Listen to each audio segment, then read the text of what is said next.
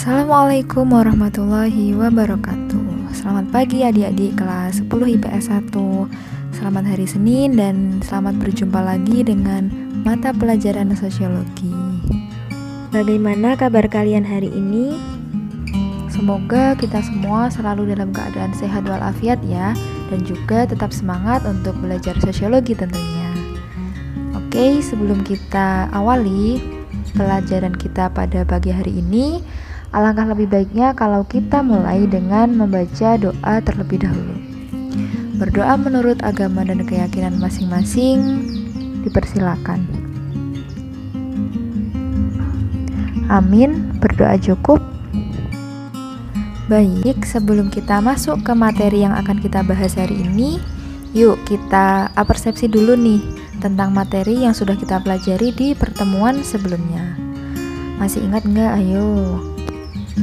Kemarin kita sudah bahas tentang pengertian sosiologi, kemudian fungsi dan juga peran sosiologi dalam mengenali gejala sosial di masyarakat. Jadi kemarin apa sih sosiologi itu? Ya, sosiologi pada intinya adalah ilmu yang mempelajari tentang aspek-aspek di masyarakat, termasuk interaksi sosial yang ada di dalamnya, baik antar individu dengan individu, individu dengan kelompok, dan kelompok dengan kelompok. Lalu kemarin kita juga sudah sempat menyinggung tentang ciri-ciri sosiologi sebagai ilmu pengetahuan. Apa saja ciri-cirinya? Ya, ada empat. Yang pertama, empiris, teoritis, kumulatif, dan non-etis. Selain itu, kita juga sudah membahas tentang hubungan sosiologi dengan ilmu sosial lain, juga tentang fungsi sosiologi dan perannya dalam berbagai bidang di kehidupan masyarakat. Nah, semoga adik-adik semua tidak lupa ya dengan materi minggu lalu, supaya hari ini kita sudah siap untuk menerima materi yang baru. Untuk mempersingkat waktu, langsung saja kita masuk ke materi hari ini, yaitu tentang gejala sosial di masyarakat. Adapun tujuan dari pembelajaran kita pada pagi hari ini adalah setelah kegiatan pembelajaran ini diharapkan peserta didik atau adik-adik semua mampu memahami dan mengidentifikasi gejala sosial sebagai ilmu pengetahuan yang berfungsi untuk mengkaji gejala sosial di masyarakat.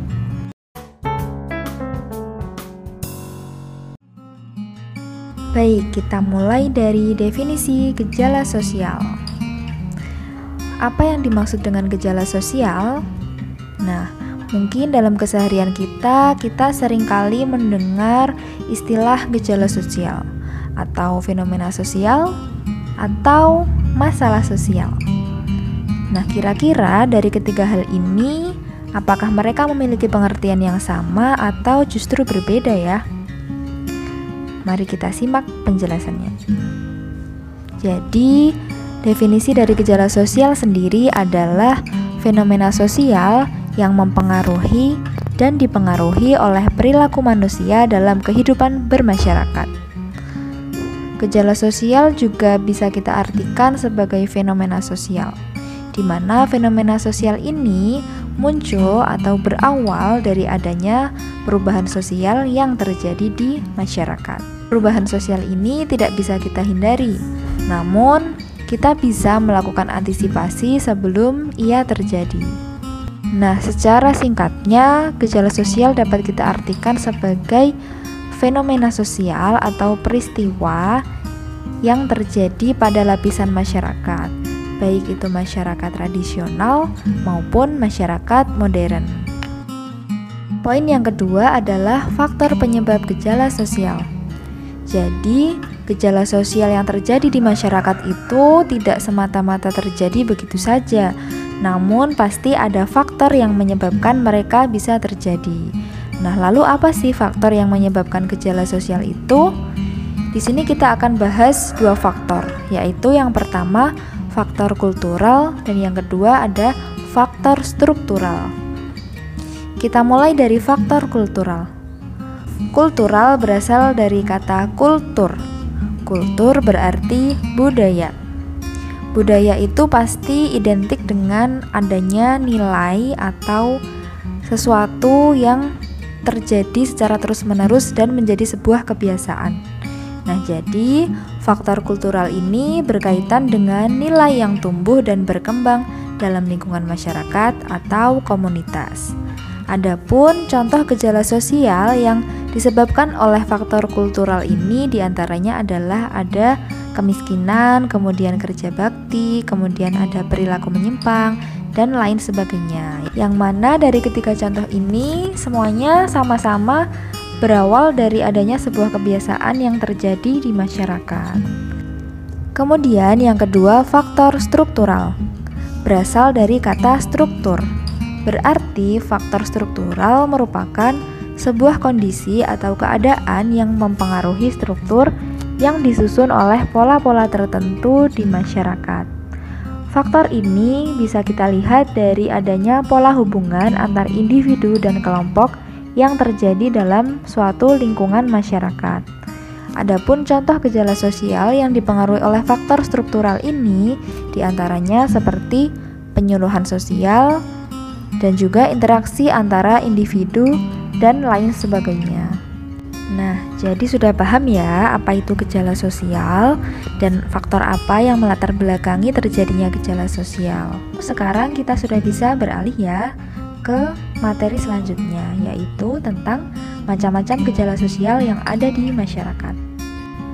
Dalam kehidupan masyarakat terdapat berbagai macam aspek atau bidang kehidupan di dalamnya.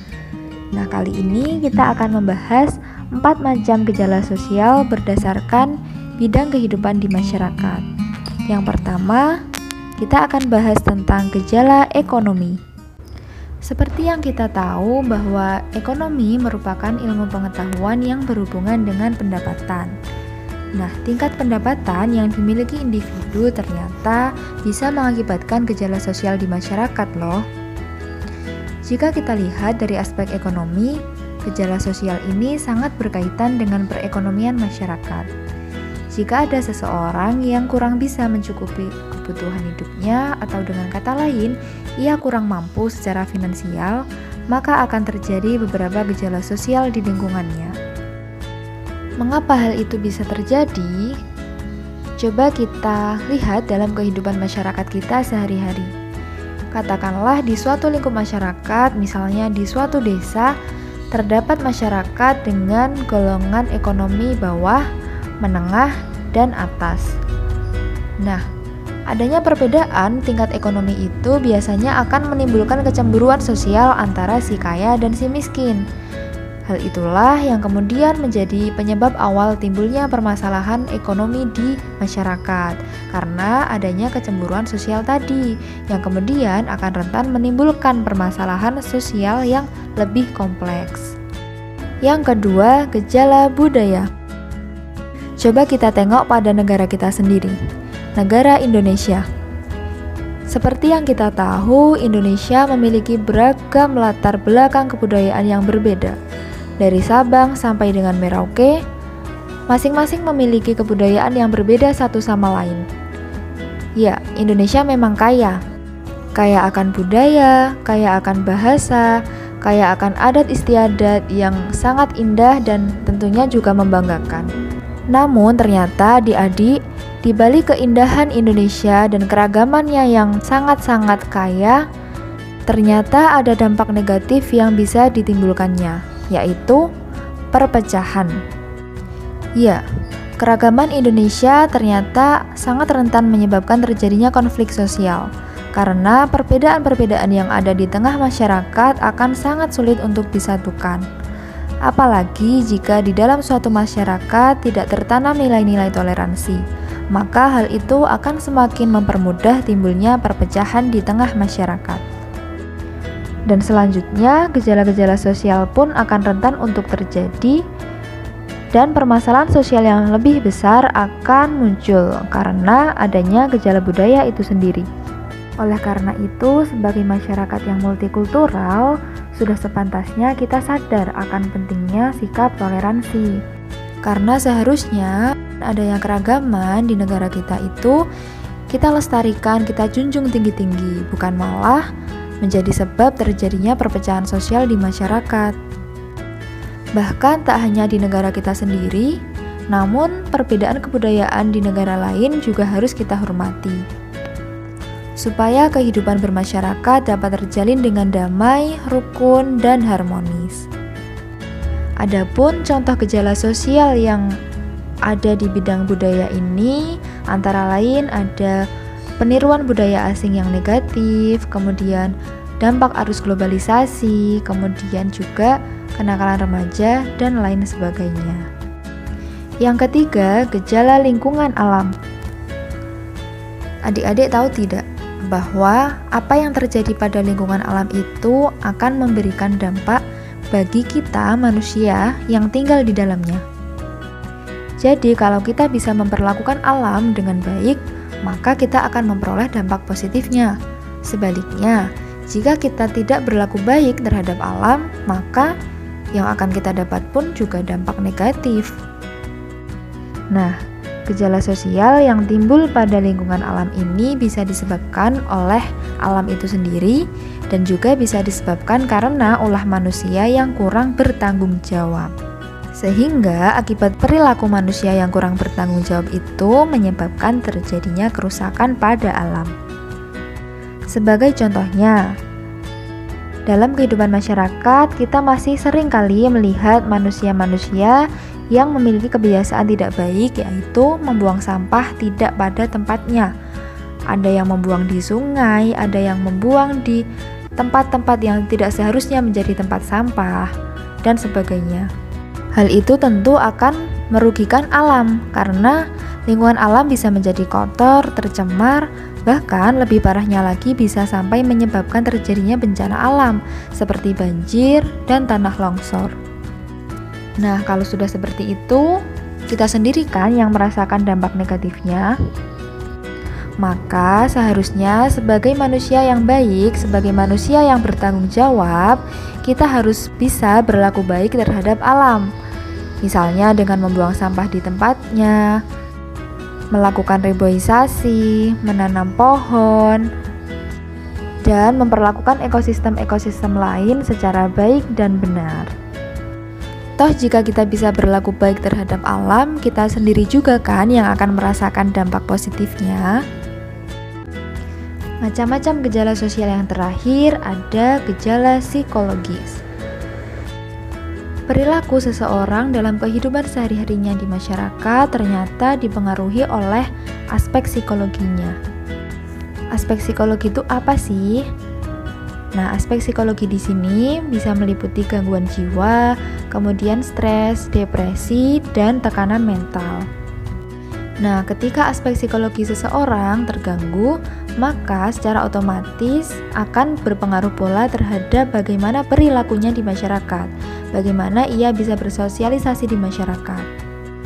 Karena baik disadari atau tidak, aspek psikologi seseorang yang terganggu dapat menghambat proses seseorang itu dalam menjalani kehidupan sehari-harinya di masyarakat.